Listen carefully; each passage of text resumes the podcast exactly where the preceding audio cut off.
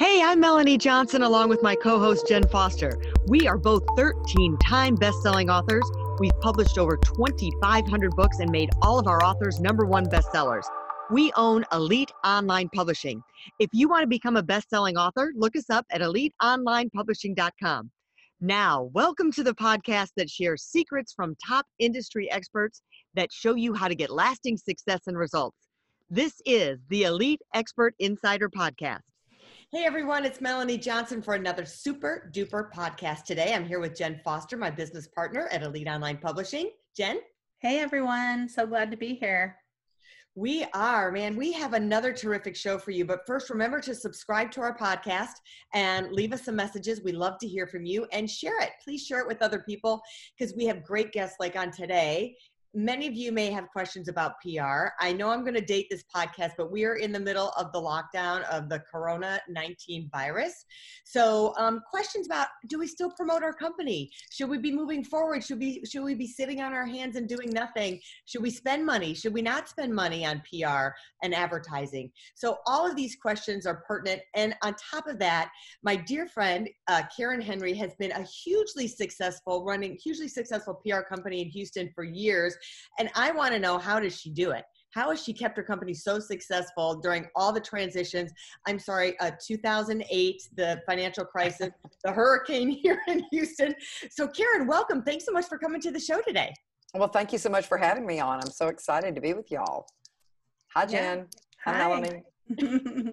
well, tell us a little bit how you got started in PR and how you started your business. Well, um, good question. Uh, when I got out of college, uh, the first job I had was in advertising, and PR was kind of part of advertising back then, but it wasn't the biggest part of advertising. So let's fast forward about 30 years. I hate to date myself. And I started with a small PR firm in Houston. Um, I was in my 40s. Mm. And um, it was mainly restaurants and hospitality. So that started like in the mid 90s. And then after that, um, I, I, just had my last child. I kind of worked from home. And then starting in the early 2000s, I started my own PR firm and I've diversified into different industries. Um, and then in 2004, I met this wonderful younger PR person and we started the PR boutique. And from then on, we have grown and grown. We have offices in Austin, San Antonio, and in Houston now. That's incredible. That's incredible. So, how do you think you said you diversified in your business? Do you think that that was one of the things that uh, has kept you going? And should other businesses think about how they can diversify in their business to be stay successful? Yes, absolutely. I feel like that.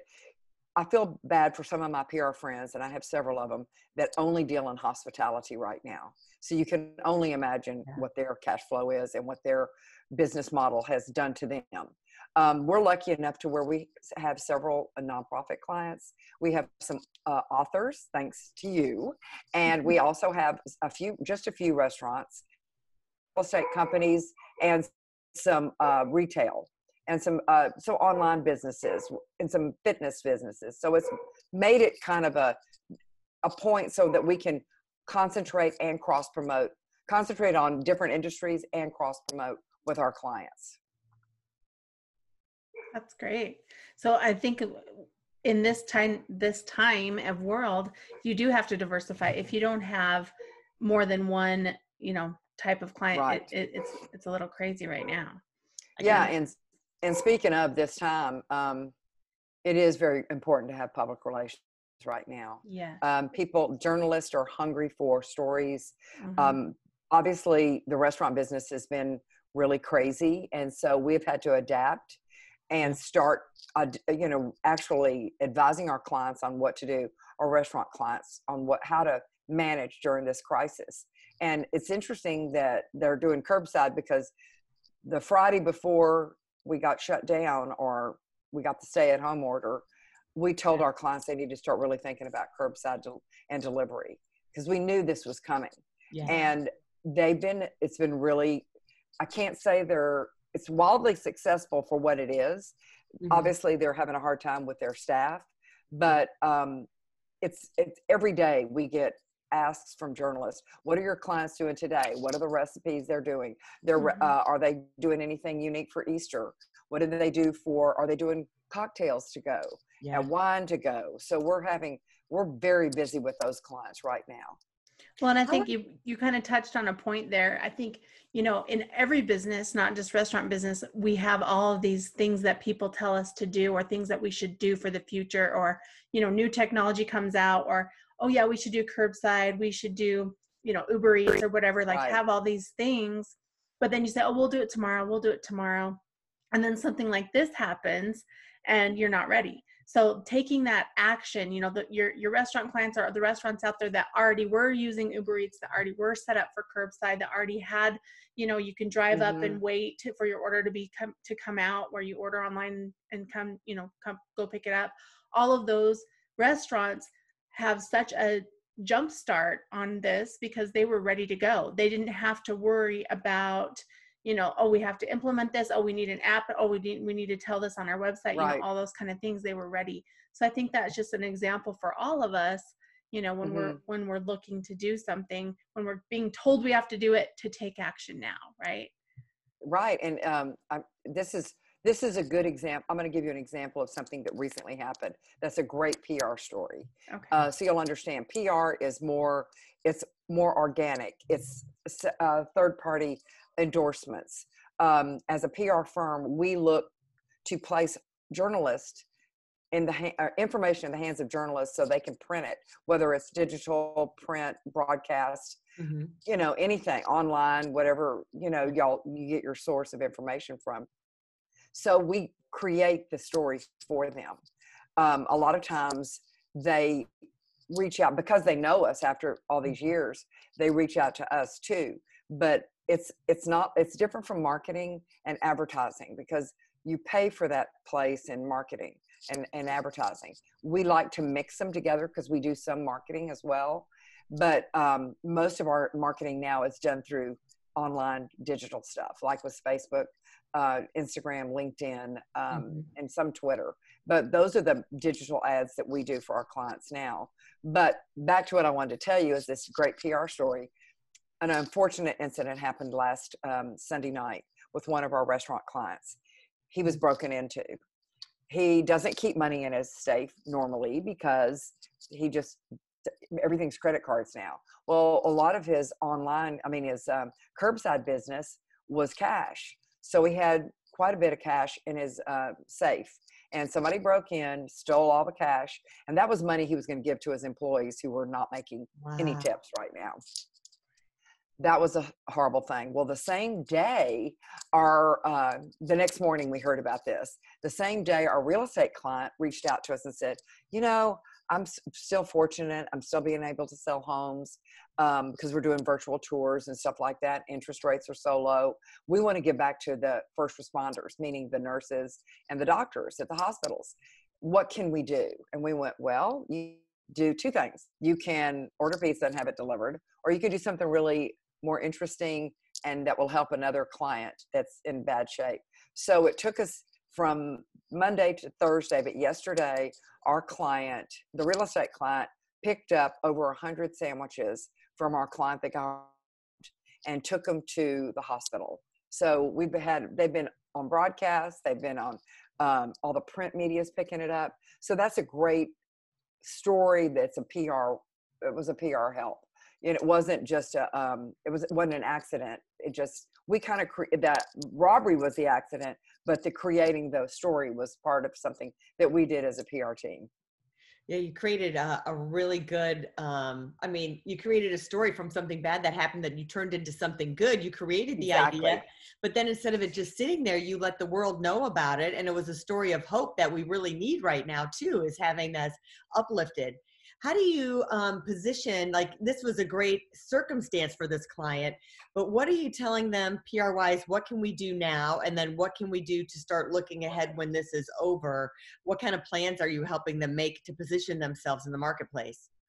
um well that's a great story because everything is just kind of from minute to minute with uh covid-19 but what we're doing right now is creating um, blog posts for them, creating, uh, giving them like a heads up, like, okay, you, you got to start thinking about what's going to happen in May. Um, what are you going to be doing? Uh, like, or maybe we just give them ideas on what to do. Um, one of our clients is that, um, well, our, our real estate client is a good example. So what we're doing right now is talking to her about let's make her an expert in what do you do now that rates are so low how is it going to help you buy a home let's uh, so we positioned her as the expert she got on some podcasts she was in some definitely interviewed by the houston chronicle uh, real estate reporters um, and and then with our restaurant clients it's hard to think too far ahead with them mm-hmm. because yeah. some of them unfortunately don't even know if they're going to be open anymore but what we're doing for them is coming up with ideas what to do for Easter, what to do at the end of the month. And one, oh, I mean, I hope this is answering your question, but one of them is a seafood restaurant and he wanted to do some kind of crawfish boil, like a drive through crawfish boil. So we said, why don't you do something more unique than that and make it like an old fashioned car hop? Um, people can come in, you give them a bucket, let them fill it up twice. And you can also give them some uh, cocktails and the, the car hops will be the wait staff so they can get tips. So we're we're trying to work that out, see if that'll work.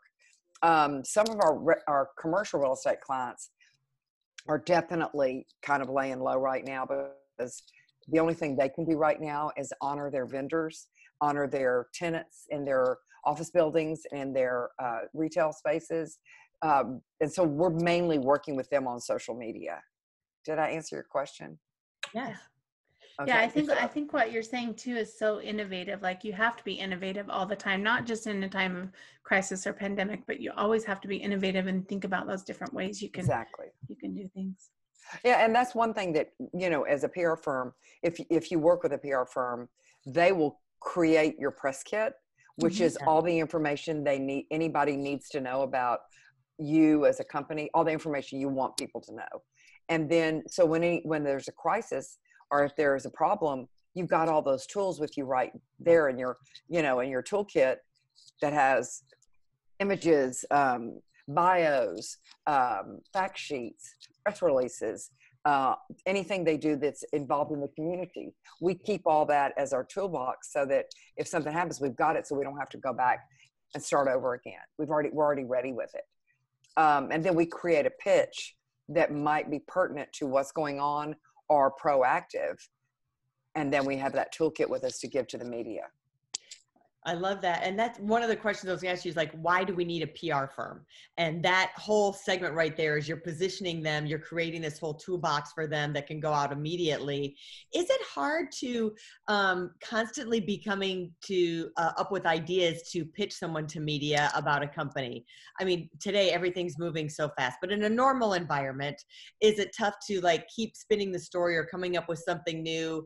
Because um, they may say, well, I did PR for six months. I don't don't need it anymore. You know, we're we're business. Yeah. Why, uh, you know, and I think PR is really important. And I love what you said that you position that uh, real estate person as an expert, right? Because that's mm-hmm. what we do with books. We position exactly. you as an expert in the marketplace, and so that's what you're making people experts, positioning them as experts, so media picks them up.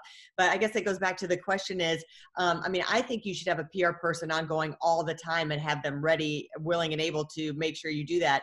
But kind of say uh, address that. Why should i have a pr person? How long should i keep them? And um, why I should have one all the time? Okay great question. Um, well why i think most people should have a pr person but a lot of people don't want to spend the money. But in the end it's a lot less expensive than buying big ads and uh, publications that cost you know upwards of five thousand dollars mm-hmm. for a one-time print ad. Whereas for a lot less than that, you can have a PR firm that's constantly advising you every month on what the trends are. What is the, that's one thing that we monitor all the time are trends, and yeah. what like say maybe there's a news story, a national news story that can relate to something that's going on in Houston, and that's where when you said position them as an expert, that's where we keep our clients as thought leaders, and then position them like okay there's something going on in um, well i mean I could give, use the same example as I did before about the interest rates going low. But there, that things like that are happening all the time. So we know what our we know our clients what they do, what their what their um, expertise is in. So we mm-hmm. we think about it all the time, like, oh my God, that's going on. We need to get ahead of the story and talk to so and so journalist and position our particular client for that to be mm-hmm. the person that they go to locally for that information. Um, but to answer your other question about why should you have a PR firm, it's for that reason. And a lot of times people, new businesses definitely need one. Like for example, you you know you're going to um, um, create an office building, maybe an office building that is specific to um, medical profession. Mm-hmm. Let's just say that's one. That's kind of a new trend is doctors that have yeah um, medical and surgical in the same building. Mm-hmm. And there are some developers out there that know that, and they're building buildings that have the office space for the doctors, but then they go down to the second floor or the fourth floor, whatever, and have a surgical center. Uh, yeah. That is kind of an innovative idea. So our job would be to tell that story in um, and why it's happening. And we work with the client before they even break ground on the building to get the information all together. So and then we know okay they need to meet reach out to particular positions we we give because of our press kit toolkit we mm-hmm. can give them all the information for their marketing materials so they have all that messaging down they have all the um, fact sheets that they need to give to their uh, client their potential uh, tenants. Um, that's one example. And then throughout the course of their leasing up the whole building they need pr to talk about they're 25% leased. They have uh, a, they've hired this particular decorator to do the lobby. That's another story. It's and it's all about keeping their name their brand top of mind with the media uh, which is ultimately the public right. and their target market and but then along with all that with the new world the way it is and everything moving so fast and this is something i had to deal with about 10 or 15 years ago maybe it was 12 years ago when social media became such a big deal yeah. i remember somebody telling me facebook twitter instagram i mean that was way before instagram and i went i am not going to do that that is just too much for me to comprehend i mean i'm to writing a press release typing it up printing it out mailing it to the journalist calling them on the phone. And then it got to typing it up, printing it out, and faxing it and calling them on the phone. And then making actual physical appointments to go talk to the journalist and tell them about all my clients. And now uh, we don't even have to leave our office. Right. So this at home world is not that bad for us. Uh, it's better to meet people in person, but everything is like print. I mean, not even, we don't print anything out. It's type up, put it in a little file, email it to the client, or send it in a link to the to the journalist with everything right there for them. There's almost no excuse not to write the story. Um, so like getting to um, like influencers now. I mean, because it's not just yeah. TV, radio, newspaper, and uh, magazines, it's changed dramatically. I mean, do you try, depending on the client, do you try and hit the influencers? And how do you go about getting bloggers and influencers to help? Well, the good, that's a great question because that is as important now as um, media. You know, that's the that's why the younger generation has been so beneficial to my business. Mm-hmm. They are constantly looking at who's talking about what on social media.